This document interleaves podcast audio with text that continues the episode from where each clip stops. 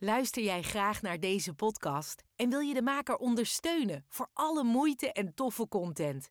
Geef dan, als je wat kan missen, een digitale fooi. Dat doe je via d.com zonder abonnement of het achterlaten van privégegevens. Dus fooiepot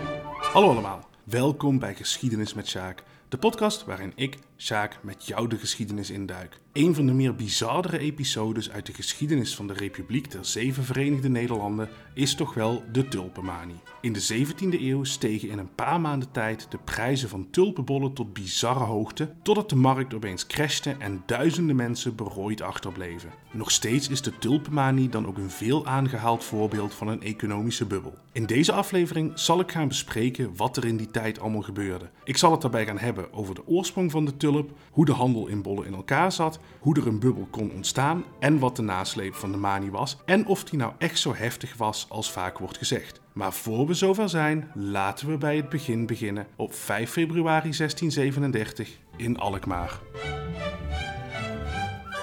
Op 5 februari 1637 vond in Alkmaar een veiling plaats van tulpenbollen die bezit waren geweest van de enkele maanden daarvoor overleden Wouter Winkel. Zijn vrouw was al eerder overleden en dus waren hun zeven kinderen nu wezen. Maar die kinderen hadden natuurlijk wel recht op een erfenis en daaronder waren dus ook een aantal tulpenbollen. Nou, de opbrengst van die veiling was 90.000 gulden en dat was een enorm bedrag. Even voor je beeld, het salaris van een ambachtsman in deze tijd bedroeg zo'n 2 tot 300 gulden per jaar. De kinderen van Wouter Winkel waren dus in één klap schatrijk.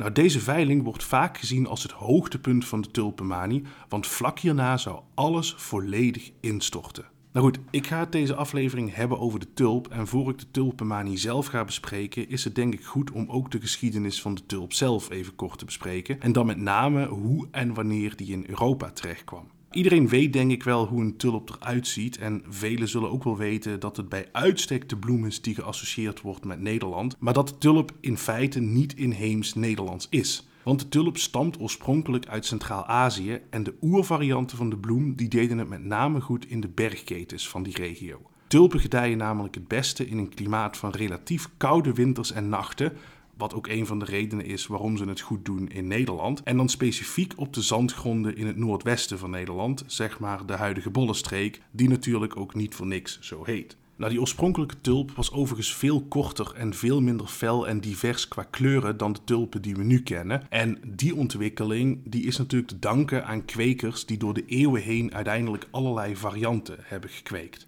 Nou, wie als eerste tulpen is gaan kweken als sierbloem, dat weten we niet, maar het staat wel vast dat de bloem in de 11e eeuw in het Perzische Rijk al nadrukkelijk aanwezig was in tuinen. Later namen de Seldsjuken, dat is een nomadisch volk dat zich uiteindelijk in het tegenwoordige Turkije vestigde, de bloem mee richting het westen. En bij hun opvolgers, dat waren de Ottomanen, nam de tulp een bijzondere plek in. Dat is bijvoorbeeld te zien aan de talloze Ottomaanse kunstwerken uit de 15e en 16e eeuw waarop de bloem is afgebeeld. Maar ook bijvoorbeeld blijkt dat uit het gegeven dat de Ottomaanse keizer Suleiman de Prachtlievende regelmatig kleren droeg waarop tulpen waren afgebeeld. De tulp werd bovendien in de Ottomaanse hoofdstad Istanbul op heel veel plekken gekweekt in talloze stadstuinen die die stad rijk was. Nou, er zijn een aantal theorieën over wie als eerste een tulpenbol naar Europa zou hebben meegenomen. En een vaak genoemde naam is die van de Portugees Lopo Bas de Sampaio. Want die zou in 1532 een paar bollen hebben meegebracht uit Sri Lanka. Nou, op zichzelf kan dit wel kloppen, maar hier zitten wel een paar serieuze kanttekeningen aan aan dit verhaal. Want om te beginnen groeit tulp helemaal niet op Sri Lanka, dus het is op zijn minst bijzonder dat hij ze dan daar vandaan zou hebben. Dat kan natuurlijk gebeurd zijn door handel te drijven, maar goed, dan nog is het wel enigszins curieus. En daarnaast zou Lopobas de bollen hebben verkregen tijdens een tussenstop op Sri Lanka op weg van India naar Portugal. Ook dat kan natuurlijk, maar dat zou echt wel een heel onlogische vaarroute zijn en bovendien een heel flinke omweg. Nou, los van dit alles, de reis van de Indische Oceaan naar Europa, die duurde vaak minstens een half jaar en meestal langer. En dat is echt wel een behoorlijke lange tijd en een behoorlijke uitdaging om een tulpenbol al die tijd gezond en heel te houden. Kortom, Het is niet onmogelijk, maar het lijkt ook niet echt aannemelijk dat deze Lopobas degene was die de tulp in Europa heeft geïntroduceerd. Een andere veelgehoorde naam is die van Ogier Gislain de Busbecq. Hij was de zoon van een Vlaamse edelman en reisde vanaf 1554 jarenlang als ambassadeur namens de Heilige Roomse Keizer heen en weer tussen Istanbul en Wenen. En in 1581 publiceerde hij een boek over zijn ervaringen en daarin beschreef hij onder andere hoe hij voor het eerst een tulp zag. Nou, sommige historici hebben deze gebeurtenis gedateerd in 1454, toen de Busbek voor het eerst naar Istanbul reisde. Maar uit later onderzoek is gebleken dat dit niet kan, want de Busbek die reisde in november van dat jaar en dan staan tulpen helemaal niet in bloei. In 1558 is hij nogmaals naar Istanbul gereisd, dit keer in maart, en in die maand kunnen tulpen wel tot bloei komen. Waarom is dit detail nou van belang? Dat komt omdat voor zover bekend in het voorjaar van 1559 voor het eerst een tulp tot bloei is gekomen in een West-Europese tuin, om precies te zijn in het tegenwoordige Beieren. In theorie zou dat een door de Busbeck verstuurde bol kunnen zijn. Dan zou hij namelijk in maart 1558 een bol moeten hebben gekocht, die snel hebben opgestuurd, zodat de bol geplant kon worden in het najaar van 1558 en dan de volgende lente kon opbloeien. Nou, dit kan, maar dit is wel een heel strak tijdschema. Die de Busbeck die wordt overigens ook vaak genoemd als bedenker van de naam tulp. Dit omdat de bloem hem deed denken aan de tulbanden die veel Ottomanen droegen. Nou, ook dit hele idee is inmiddels ontkracht, want de naam tulp of tulip in het Engels komt al voor in een botanisch boek uit 1578 en dat is drie jaar voordat het boek van uh, de Busbeck uitkwam. Nou wie als eerste een bol meenam naar Europa, dat zullen we waarschijnlijk nooit weten. Maar het is natuurlijk het meest waarschijnlijke dat men in Europa voor het eerst kennis maakte met de bloem via de contacten die er waren met de Ottomanen. En op basis van de bronnen staat dus zoals gezegd in elk geval vast dat in 1559 voor het eerst een bloeiende tulp in Europa werd beschreven. Maar er zijn ook sterke aanwijzingen dat de tulp er al veel eerder was. Alleen daar zijn dus geen bronnen over. Maar het is dus zeker niet ondenkbaar dat bijvoorbeeld al in de middeleeuwen enkele bollen via handelscontacten naar Europa zijn gekomen. Hoe dan ook, in de tweede helft van de 16e eeuw verspreidde de tulp zich razendsnel over West-Europa. Destijds begreep men trouwens lang niet altijd het nut van de bollen. In Engeland bijvoorbeeld werden ze fijn gemalen tot een drankje dat genezende krachten zou hebben. En toen in 1562 een aantal tulpenbollen in bezit kwamen van een Antwerpse koopman, ging die ervan uit dat het een soort Ottomaanse uien waren en hij at er dan ook een aantal op. De rest plantte hij in zijn tuin en een half jaar later groeiden er dan ook bloemen uit. Nou, een andere belangrijke rol in het verhaal van de tulp in de Nederlanden speelt de botanicus Clusius. Nou, dat was natuurlijk niet zijn echte naam. Hij was in 1526 in Arras geboren als Charles de L'Écluse.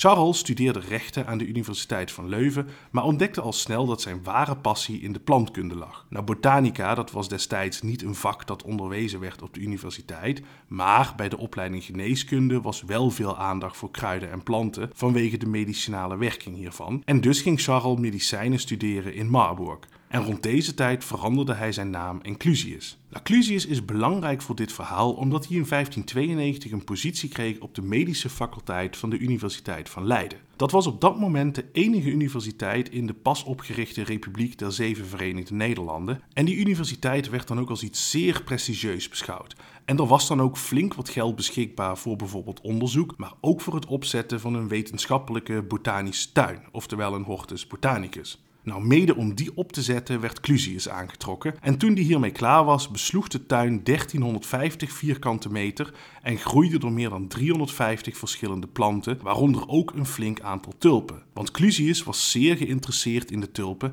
en was de eerste die er uitgebreid over publiceerde. En het is dankzij hem dat we best wel wat weten over de tulp in 16e eeuws Europa en hoe er destijds mee werd omgegaan. Nou goed, een klein beetje plantkunde tussendoor. Even vooraf, daar heb ik in principe weinig verstand van, dus excuses alvast als ik een foutje maak. Tulpen die kunnen eigenlijk op twee manieren groeien: uit zaadjes of uit bollen. Werken met zaadjes dat gebeurde in de 17e eeuw eigenlijk nauwelijks, omdat niet te voorspellen was wat voor soort tulp en met welke kleuren zou ontspruiten uit zo'n zaadje en ook niet wanneer dit zou gebeuren. Dat kon namelijk wel 5 tot 10 jaar duren.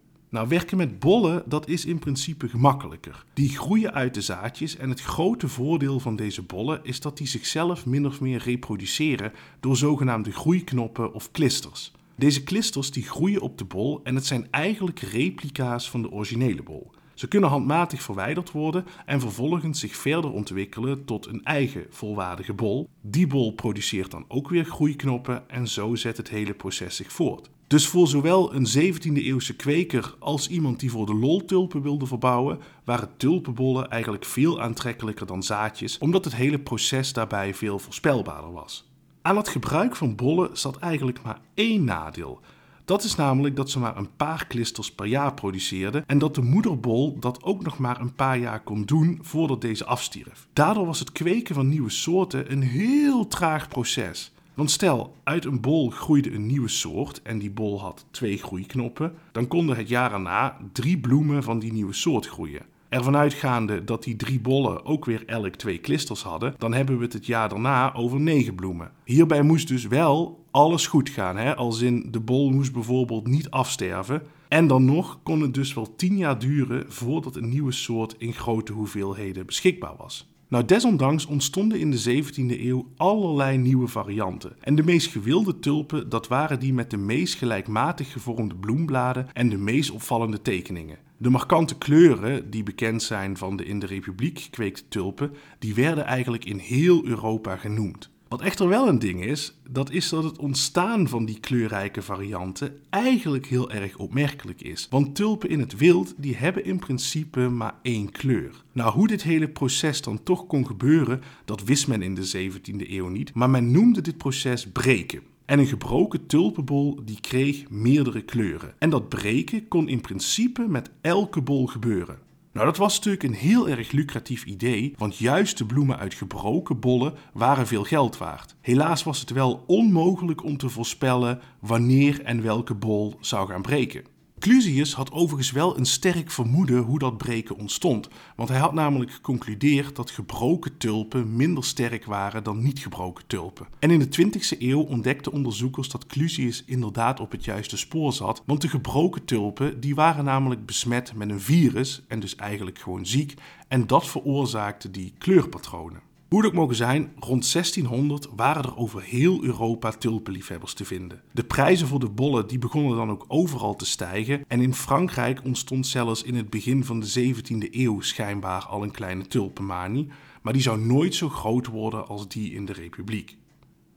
Die tulpenmanie. Er zijn een aantal oorzaken voor het ontstaan hiervan aan te wijzen. En om te beginnen kon dit alles natuurlijk alleen maar gebeuren omdat de bollen steeds meer waard werden en er gewoon heel veel geld mee kon worden verdiend. Dat die bollen zoveel waard waren, dat kwam omdat de meest begeerde soorten, zoals hiervoor al gezegd, heel zeldzaam waren en slechts heel langzaam in aantal groeiden. Al ver voor de manie leidde dit ertoe dat er soms absurde prijzen voor werden betaald. In de jaren 20 van de 17e eeuw werden door rijke verzamelaars regelmatig duizenden guldens voor één of twee bollen neergelegd. Nou, in die periode hielden in principe alleen professionele kwekers en rijke verzamelaars zich bezig met de tulpenhandel. De verkoop van de bollen die gebeurde in het voorjaar, als de bloemen in bloei stonden en de kopers ze daadwerkelijk konden zien. En in de nazomer, als de bollen gerooid werden, veranderden ze van eigenaar. Nou, onthoud dit even, want dit komt zo nog even terug. Nou, zoals gezegd ging het hier dus vaak om grove bedragen en dat kregen op een gegeven moment natuurlijk meer mensen door. Kijk, wat het namelijk was, om tulpen te kweken had je in principe heel weinig nodig. Een paar gewone goedkope bollen, want elke bol kon in principe breken, een tuintje en je was er eigenlijk al. Bijkomend voordeel, de tulpenhandel was niet gelinkt aan een gilde en dat was in die zin een voordeel dat gildes vaak allerlei regels hadden over bijvoorbeeld de prijzen die gevraagd mochten worden. Dus kortom, met relatief weinig inzet kon heel veel verdiend worden. En langzaam maar zeker kwamen er zo steeds meer professionele tulpentelers. En niet alleen het verbouwen professionaliseerde, ook de export. Er werden bijvoorbeeld speciale boeken samengesteld met afbeeldingen van tulpen, zodat potentiële buitenlandse kopers wisten wat ze van een bepaalde bol konden verwachten. Sommige van deze catalogi die telden meer dan 500 pagina's en de afbeeldingen hierin dat zijn vaak kunstwerken op zich. Op Instagram en Facebook vind je hier een voorbeeld van. Maar goed, Ondertussen gingen nog meer mensen zich realiseren dat er heel veel kon worden verdiend met de tulpenhandel. En zo'n beetje vanaf het begin van de jaren 30 van de 17e eeuw ontstond zo een nieuwe groep van mensen die zich hiermee ging bezighouden: de zogenaamde bloemisten of floristen. Nou, die bloemisten, dat is natuurlijk iets heel anders dan bloemisten van nu, hè, laat dat duidelijk zijn. Maar die bloemisten uit de 17e eeuw waren van een ander slag dan de kwekers en de liefhebbers. De meeste van hen hadden vaak nauwelijks een idee hoe je serieus bollen moest kweken, maar dat maakte ook niet heel veel uit. Zij wilden gewoon geld verdienen. En dat is op zichzelf ook niet zo heel erg vreemd, want realiseer je goed, hoewel de Republiek in de Gouden Eeuw zo'n beetje het rijkste land van Europa en misschien wel de wereld was, die rijkdom die was heel onevenwichtig verdeeld. Een groot deel van de bevolking was weliswaar niet arm, maar bijvoorbeeld de mensen uit de lage middenklasse die moesten vaak lang en hard werken om rond te komen. En dus juist voor deze groep sprak het idee van snel rijk worden dan ook enorm aan. Het hielp dat deze mensen, zoals gezegd, niet per se arm waren. En dit klinkt misschien een beetje raar, wat hierbij ook een enorm voordeel was, was dat begin jaren 30 een pestepidemie had gewoed. Daar waren natuurlijk veel mensen bij overleden en als gevolg daarvan was er een tekort aan arbeiders ontstaan en waren de salarissen gestegen. Nou, mede daardoor hadden deze mensen dus vaak ook genoeg spaargeld om zich in te kunnen kopen in de tulpenhandel. Die pestepidemie is volgens sommige historici nog een factor in het ontstaan van de manie, want doordat veel mensen overleden waren, was er een soort fatalistische stemming ontstaan bij veel overlevenden. Wat bij dit alles de manie enorm gestimuleerd heeft, dat is dat al snel de meest wilde verhalen rondgingen over hele huizen en boerderijen die voor een paar bollen waren verkocht en arme mensen die binnen enkele weken schat hemeltje rijk waren geworden. Het grootste deel van deze verhalen was natuurlijk flauwekul, maar het sprak wel enorm tot de verbeelding. Nou, een laatste factor in het ontstaan van de manie, dat was dat als gevolg van de opkomst van de bloemisten de manier van zaken doen veranderde. Nou, hiervoor heb ik al uitgelegd hoe kwekers en rijke liefhebbers de bollen verhandelden, maar het probleem van op deze manier de handel drijven was dat het eigenlijk maar een paar maanden per jaar kon plaatsvinden. De rest van de tijd lag de hele boel stil. Nou, de oplossing daarvoor die ontstond in de herfst van 1635. Want vanaf dat moment werd niet meer de bol aan zich verhandeld, maar het bezit van de nog in de grond zittende bol. Dus in plaats van te wachten tot een bol in bloei kwam en dan de bol te kopen, kon een bol al daarvoor gekocht worden. Daarmee werd de handel in bollen eigenlijk een handel in papier. En daarmee bedoel ik, je betaalde voor een eigendomspapier van een bol waarop stond voor hoeveel de bol verkocht was en wanneer deze uit grond zou worden gehaald. Nou, het was deze innovatie die de manie de laatste zet gaf, want de handel werd hiermee enorm speculatief. Het daadwerkelijke object, de tulpenbol, die deed er eigenlijk niet meer toe. Waar het om draaide was het papier van eigendom. De tulpenbol zelf die zou pas in de toekomst waarde krijgen, maar er werd wel vooraf al een bepaalde waarde aangehangen. Nou, dit soort handel wordt ook wel handel in futures genoemd. En uiteraard bood dit systeem heel veel voordelen. Er kon nu bijvoorbeeld het hele jaar doorgehandeld worden. En los van dat bood het systeem zekerheden voor zowel de koper als de verkoper. De verkoper die kreeg vooraf een bepaalde garantie van inkomen en de koper kon, mits hij of zij een goede deal gesloten had, hele dikke winst maken. Maar goed, hier stonden ook een aantal flinke nadelen tegenover. Want potentiële kopers die konden niet checken of de bol die ze kochten van goede kwaliteit was. Want uiteindelijk kochten ze een product dat pas een paar maanden later beschikbaar zou zijn, tenminste als de bol niet bijvoorbeeld zou afsterven. Het systeem was bovendien heel erg fraudegevoelig, want eigenlijk kon de koper überhaupt niet eens controleren of de bol wel bestond. Het echte gevaar van deze manier van handelen, dat zat hem echter in het speculatieve aspect ervan. Kijk, er konden enorme winsten behaald worden. Stel bijvoorbeeld, een fictief iemand in die tijd had 50 gulden. Laten we hem even Gerard noemen. Met die 50 gulden kocht Gerard het bezit van een bol van 500 gulden. In de koopovereenkomst stond meestal dat de koper 10% van het bedrag als aanbetaling moest doen en de rest moest betalen als de bol uit de grond werd gehaald. 10% van 500 is 50 gulden, dus daarmee had Gerard zijn 50 gulden uitgegeven. De resterende 450 gulden die moest hij later betalen, maar die had Gerard natuurlijk niet. Dat was echter helemaal geen probleem, want de prijzen stegen supersnel, dus enkele weken later verkocht Gerard zijn bol, of eigenlijk de eigenaarsbrief daarvan, weer door aan een volgende koper, dit keer voor 1000 gulden. Daarvoor kreeg Gerard dan ook weer 10% aanbetaling en met die 100 gulden had hij zijn eigen aanbetaling in elk geval eruit. Maar natuurlijk moest hij nog steeds 450 gulden betalen aan degene waarvan hij de bol had gekocht. Maar Gerard kreeg nu van de nieuwe eigenaar 900 gulden. Dus met medeneming van de aanbetalingen zou Gerard per saldo 500 gulden winst maken. Nou, deze handel die vond meestal plaats in lokale herbergen waar speciale ruimtes waren ingericht hiervoor. Nou, door dit systeem ontstond een onwijs ingewikkelde keten van eigenaars die elkaar allemaal geld schuldig waren. Iedereen snapte natuurlijk wel dat dit systeem alleen maar werkt zolang de prijzen stijgen. In de 17e eeuw begreep men dit overigens ook wel. En deze vorm van handel, die ook wel de windhandel werd genoemd, die was dan ook eigenlijk verboden in de Republiek. En er waren in 1621, 1623, 1624, 1630 en 1636 wetten hiertegen aangenomen. Dat hielp allemaal niet heel erg veel, omdat er eigenlijk nauwelijks werd gecontroleerd of iemand de bollen daadwerkelijk in bezit had en zelfs niet of iemand wel in staat was om aan zijn betalingsverplichtingen te voldoen. En dus stegen de prijzen steeds verder en de piek werd uiteindelijk bereikt tussen december 1636 en begin februari 1637. Even ter illustratie, een pond van een vrij gangbare en niet heel bijzondere soort tulpen kostte in de herfst van 1636 60 gulden. Op 15 januari 1637 werd er 120 gulden voor betaald. Op 23 januari 385 gulden. Op 1 februari 1400 en op 3 februari 1500 gulden. De prijs was in korte tijd dus meer dan vertwintigvoudigd. Nogmaals, het salaris voor een ambachtsman lag ergens tussen de 2 en 300 gulden per jaar.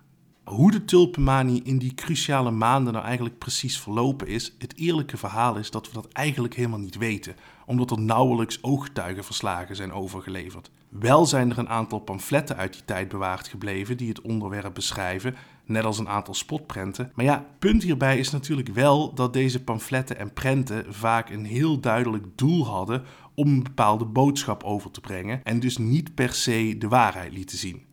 Maar goed, het is dan ook lastig om in te schatten hoeveel mensen nou eigenlijk bij die hele tulpenhandel betrokken waren. Geschat wordt dat het om enkele duizenden ging. Nou, de republiek in die tijd die telde zo'n 2 miljoen inwoners, dus zo bekeken is enkele duizenden misschien niet heel veel. Maar ja, hier is ook wel weer enige nuance nodig, want de tulpenmanie was eigenlijk een heel lokaal fenomeen en speelde vooral in Noord- en Zuid-Holland en dan met name rond de steden. En nou ja, zo bekeken is een paar duizend mensen ja, natuurlijk best wel veel. Nou goed, ik ben hier, net als de tulpenhandelaars in de 17e eeuw, aan het speculeren. En de precieze getallen die zullen we waarschijnlijk nooit weten. Hetzelfde geldt voor het antwoord op de vraag hoeveel geld er nou eigenlijk uiteindelijk verhandeld is geworden. Schattingen van historici die lopen uiteen van 10 tot 50 miljoen gulden. In beide gevallen zou dat een ontzagwekkend bedrag zijn. Even ter vergelijking, de VOC had in die tijd zo'n 6,5 miljoen gulden aan kapitaal.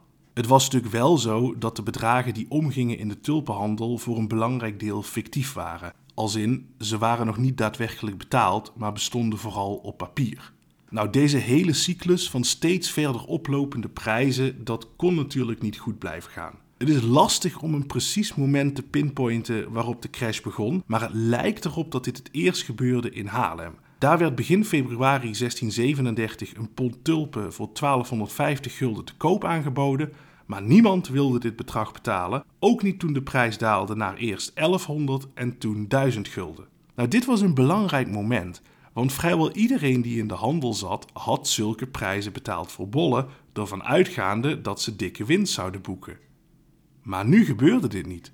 En in enkele minuten daalde het vertrouwen in de markt naar een soort nulpunt. Nou, Haarlem was de eerste stad waar dit gebeurde, maar voordat dit nieuws andere plekken had bereikt, waren er vaak enkele dagen verstreken. De crash gebeurde dus niet overal tegelijkertijd. En de anekdote die ik aan het begin vertelde, die is daar een goed voorbeeld van, want de veiling van de bollen van Wouter Winkel, die vond plaats terwijl de markt in Haarlem al ingestort was. En uiteraard was het ook niet zo dat de hele boel in elkaar donderde omdat een paar bollen in Haarlem niet verkocht werden. Op de oorzaken voor de crash kom ik later eh, nog even terug. Nou, hoe compleet die hele instorting was, dat is ook best wel lastig te zeggen, omdat moeilijk te achterhalen is wat de prijzen voor tulpen na februari 1637 waren. Er is wel een bron uit die tijd waarin staat dat een bed tulpen dat in januari 600 gulden kostte, in mei voor 6 gulden verkocht werd. Aangezien 6 1% van 600 is, zou dat echt een bijna bizarre prijsdaling zijn. Maar er zijn eigenlijk te weinig bronnen om te controleren of dit ook echt klopt. Maar ja, wat de precieze cijfers ook waren, de klap was er voor veel bloemisten natuurlijk niet minder om. want die zaten nu met koopovereenkomsten waarin ze betaling beloofden voor een product dat nu compleet waardeloos was en geld om te betalen hadden ze niet. En ook de kwekers die zaten in de problemen, want opgezweept door de markt hadden velen hun tuinen heel flink uitgebreid en dat vaak op basis van in de toekomst begrote inkomsten die gebaseerd waren op de prijzen die op dat moment betaald werden. En die inkomsten die vielen nu helemaal weg, maar ja, de gemaakte kosten die waren er natuurlijk nog wel. En daarnaast was het voor veel kwekers vaak totaal onduidelijk wie nu eigenlijk precies welke bol in bezit had en van wie ze nog geld kregen. Kortom, grote groepen mensen zaten diep in de problemen en op 23 februari 1637 kwam daarom een aantal vooraanstaande tulpenkwekers en handelaars bijeen in Amsterdam om te bespreken hoe nu verder. Er werd besloten dat overeenkomsten die waren gesloten voor 30 november bindend waren. Contracten van na die datum die konden in principe nietig verklaard worden, maar alleen als de koper 10% van de overeengekomen som aan de verkoper zou betalen. Nou, in de praktijk betekende dit een soort omgekeerde variant op de hele koopcyclus. He, neem dus weer Gerard, die had zijn bollen voor 500 gulden gekocht en voor 1000 gulden verkocht. Nou, degene die de overeenkomst van 1000 gulden had gesloten met Gerard, die mocht kiezen. Of het hele bedrag betalen, of 100 gulden aan Gerard betalen. Koos diegene voor dat laatste, dan werd Gerard weer de eigenaar. Gerard had vervolgens zelf ook de keuze ofwel 500 gulden betalen aan degene waarvan hij het eigendomsrecht had gekocht, ofwel 10% en het eigendomsrecht kwijtraken. En dan ging het systeem zo door totdat ofwel iemand het volledige bedrag betaalde, ofwel het eigendomsrecht van de bol uiteindelijk weer terecht kwam bij de kweker, die dit dan vervolgens weer gewoon kon verkopen aan wie hij wilde. Nou, ik heb het in dit voorbeeld wel even wat gesimplificeerd. Ik heb in de rekensommen bijvoorbeeld de aanbetalingen niet meegenomen, maar dit is puur even ter illustratie. Maar ja, hier moet wel bijgezegd worden: deze oplossing was stuk leuk, maar het was uiteindelijk natuurlijk niet meer en niet minder dan een advies. Niemand hoefde zich hieraan te houden. En veel kwekers waren dat ook helemaal niet van plan. Zij wilden gewoon hun geld zien. En dus dreigde er chaos en dus gingen nu ook stadsbesturen zich ermee bemoeien. Dit overigens zeer tegen hun zin in, want het was hun al heel snel duidelijk geworden dat dit alles enorm ingewikkeld lag en dat het bijzonder lastig zou worden om een compromis te sluiten. Want iedereen wilde wat anders. De kwekers die wilden hun geld en als dat niet volledig betaald kon worden, dan het liefste zoveel mogelijk. En de bloemisten die wilden natuurlijk gewoon kwijtschelding, die wilden het liefste gewoon helemaal niks betalen. Ter illustratie hoe stadsbesturen hiermee worstelden, in Haarlem werd op 7 maart bepaald dat elke bolle transactie die sinds oktober binnen de grenzen van de stad had plaatsgevonden, ongeldig was. Nou, goed nieuws voor de bloemisten natuurlijk, want die hoefden zo niks te betalen. Uiteraard leidde dit tot protest van de kwekers. Vijf weken later werd daarom besloten dat de bepaling van 7 maart niet gold voor transacties die gesloten waren in herbergen. Maar zoals gezegd, vond daar de meeste handel van bloemisten plaats.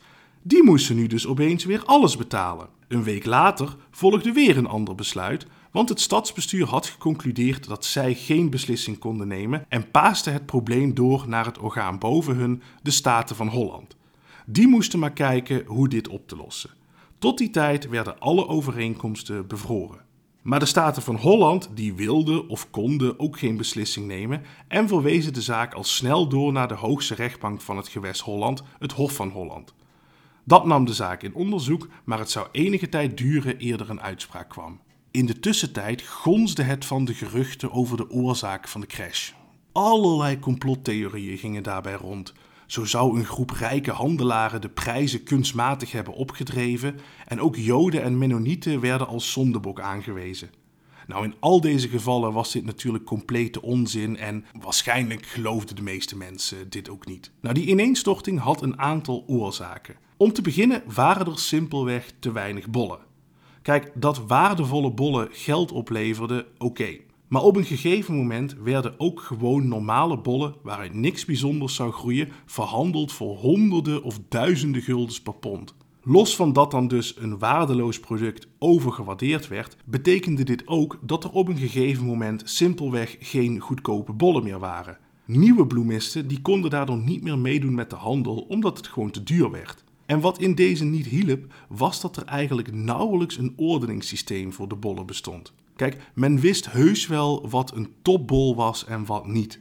Maar de tweede of derde rangs bollen, daar was eigenlijk helemaal geen systematiek voor. En dus kon er ook geen prijzensysteem op gezet worden. En daarnaast was het ook gewoon heel erg lastig om een toptulp van een mindere te onderscheiden, omdat de verschillen vaak minimaal waren. Nou, door dit alles bleef de markt eigenlijk de hele tijd veel te onvoorspelbaar. De bloemisten die gaven voor dit alles de kwekers de schuld, want die zouden constant allemaal nieuwe soorten hebben geproduceerd. Dat klopt, maar de waarheid is natuurlijk ook dat die bloemisten hier net zo goed zelf een rol in speelden, want zij waren degene die zoveel geld uitgaven aan waardeloze bollen. En dat is nog een andere reden voor de crash. Op een gegeven moment waren de bollen simpelweg te duur geworden voor de mensen en was niemand meer bereid of had niemand meer de mogelijkheid om de gevraagde prijzen te betalen.